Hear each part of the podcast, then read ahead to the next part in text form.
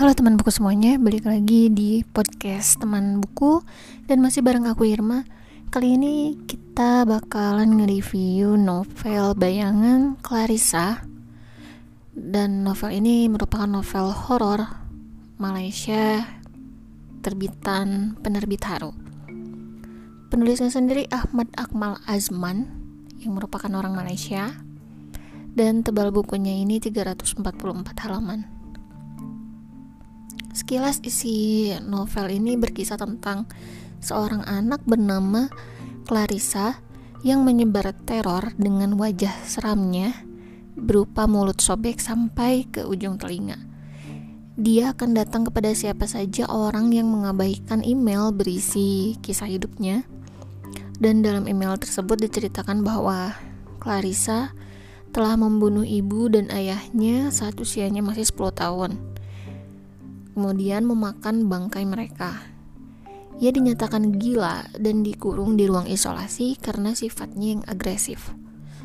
Clarissa seharusnya dihukum mati dengan tenang, namun ada hal di luar kendali sehingga menyebabkan Clarissa terbunuh.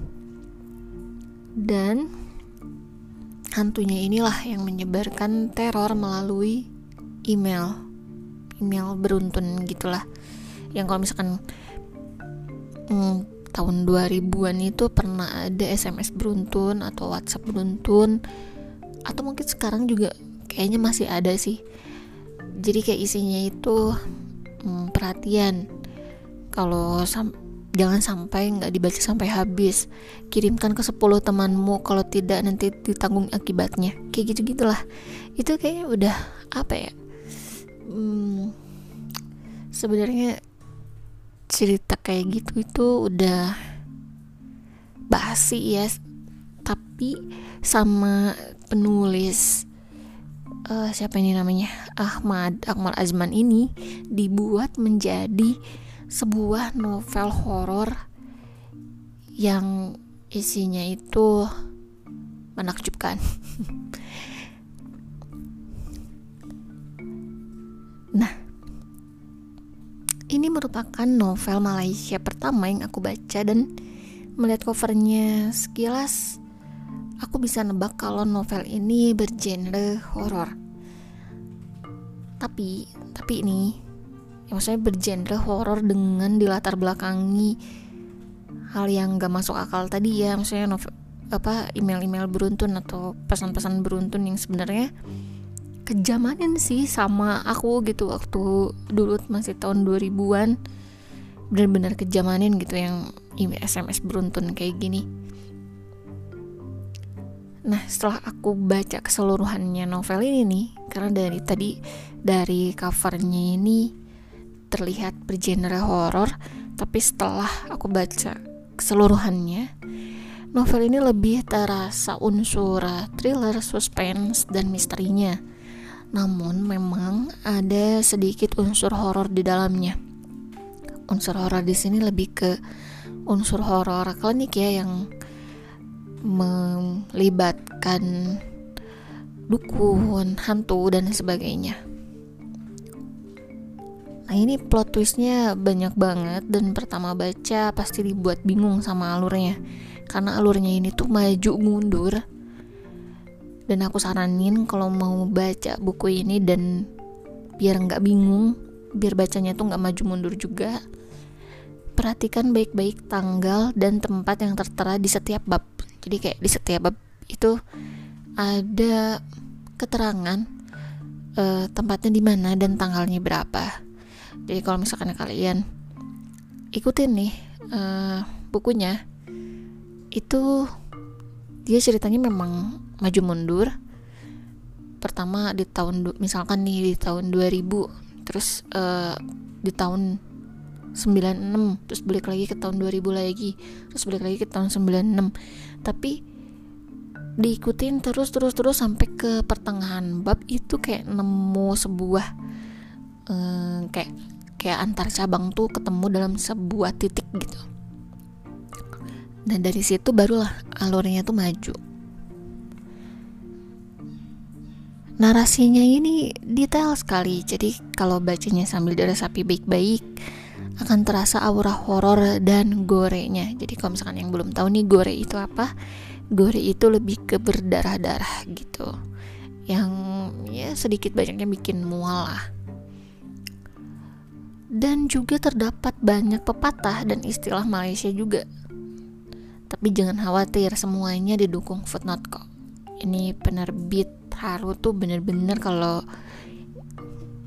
nerjemahin novel itu pasti nggak akan ketinggalan kalau soal istilah-istilah kayak begini. Yang paling menarik dari semua bab yang ada di buku ini ada di bagian prolog. Nah, prolognya itu bercerita tentang seorang anak yang diantar tidur oleh ayahnya. Namun si anak tidak mau ayahnya pergi karena ia takut oleh sesuatu yang berisik di dalam lemarinya. Saat si ayah membuka lemari itu, ada sosok gadis sebaya dengan anaknya dan mirip sekali dengan wajah anaknya. Kemudian berkata, "Ayah, aku takut. Ada hantu di atas tempat tidurku." Hmm, agak familiar nggak sama cerita itu? Ini sering sih ada di kayak mungkin oh, dongeng seram untuk anak-anak kecil di luar negeri, terlebih lagi di Amerika. Jadi kalau kalian nggak tidur nanti ada monster. Terus ada juga apa ya waktu itu pernah sih aku nonton di film horor uh, Amerika gitu. Dia memang mirip-mirip ceritanya kayak gini. Pada saat diantar tidur eh nggak kalau itu nggak diantar tidur. Dia teriak. Pada saat bangun dan kemudian orang tuanya pada datang ke kamarnya dia bilang ada sesuatu di bawah tempat tidurku aku takut. Terus pada saat dicek di bawah tempat tidurnya ada orang yang mirip dengan anaknya dan bilang aku takut karena ada sesuatu di atas tempat tidurku. Kayak gitu jadi ini keren banget sih menurutku ya. Terlepas dari banyaknya plot twistnya ini dan juga banyak plot hole-nya ada beberapa sih waktu itu aku diskusi sama teman-teman. Walaupun pada saat aku baca ini hmm, sedikit sekali terus aku juga agak lupa plot hole-nya itu di sebelah mana. Cuman memang ada uh, satu kebingungan yang aku bikin bingung tuh gimana ya seorang Clarissa seorang anak kecil bisa berbuat seperti itu gitu. Ya apa ya kayaknya kurang uh, apa ya kayak latar belakangnya tuh kurang gitu. Walaupun ibunya memang ibunya Clarissa ini memang jago banget berkelahi terus udah masuk ke dunia gelap udah sangat lama bersama suaminya dan adiknya juga.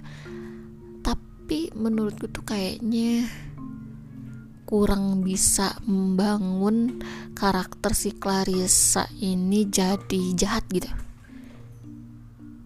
Kok uh, yang bikin aneh kok tiba-tiba jadi jahat? Apa penyebabnya? Ini yang agak bingung cuman diceritain di sini ya sedikit spoiler ya ceritain di sini tuh yaitu turunan dari ibunya gitu doang cuman kayak gitu doang gitu Oke, okay, paling kayak gitu aja review novel Bayangan Clarissa kali ini. Thank you banget yang udah dengerin dan thank you banget yang udah follow dari awal sampai akhir sampai sekarang mungkin udah episode ke-48 mungkin ya aku juga agak lupa. Dan terima kasih juga yang udah nontonin YouTube aku, channel YouTube aku di channel teman buku. Dan banyak juga komentar positif yang membuat aku semangat. Kayak kak ayo dong semangat bikin kontennya. Kak ayo dong bikin bukunya bikin review bukunya kayak gini ya.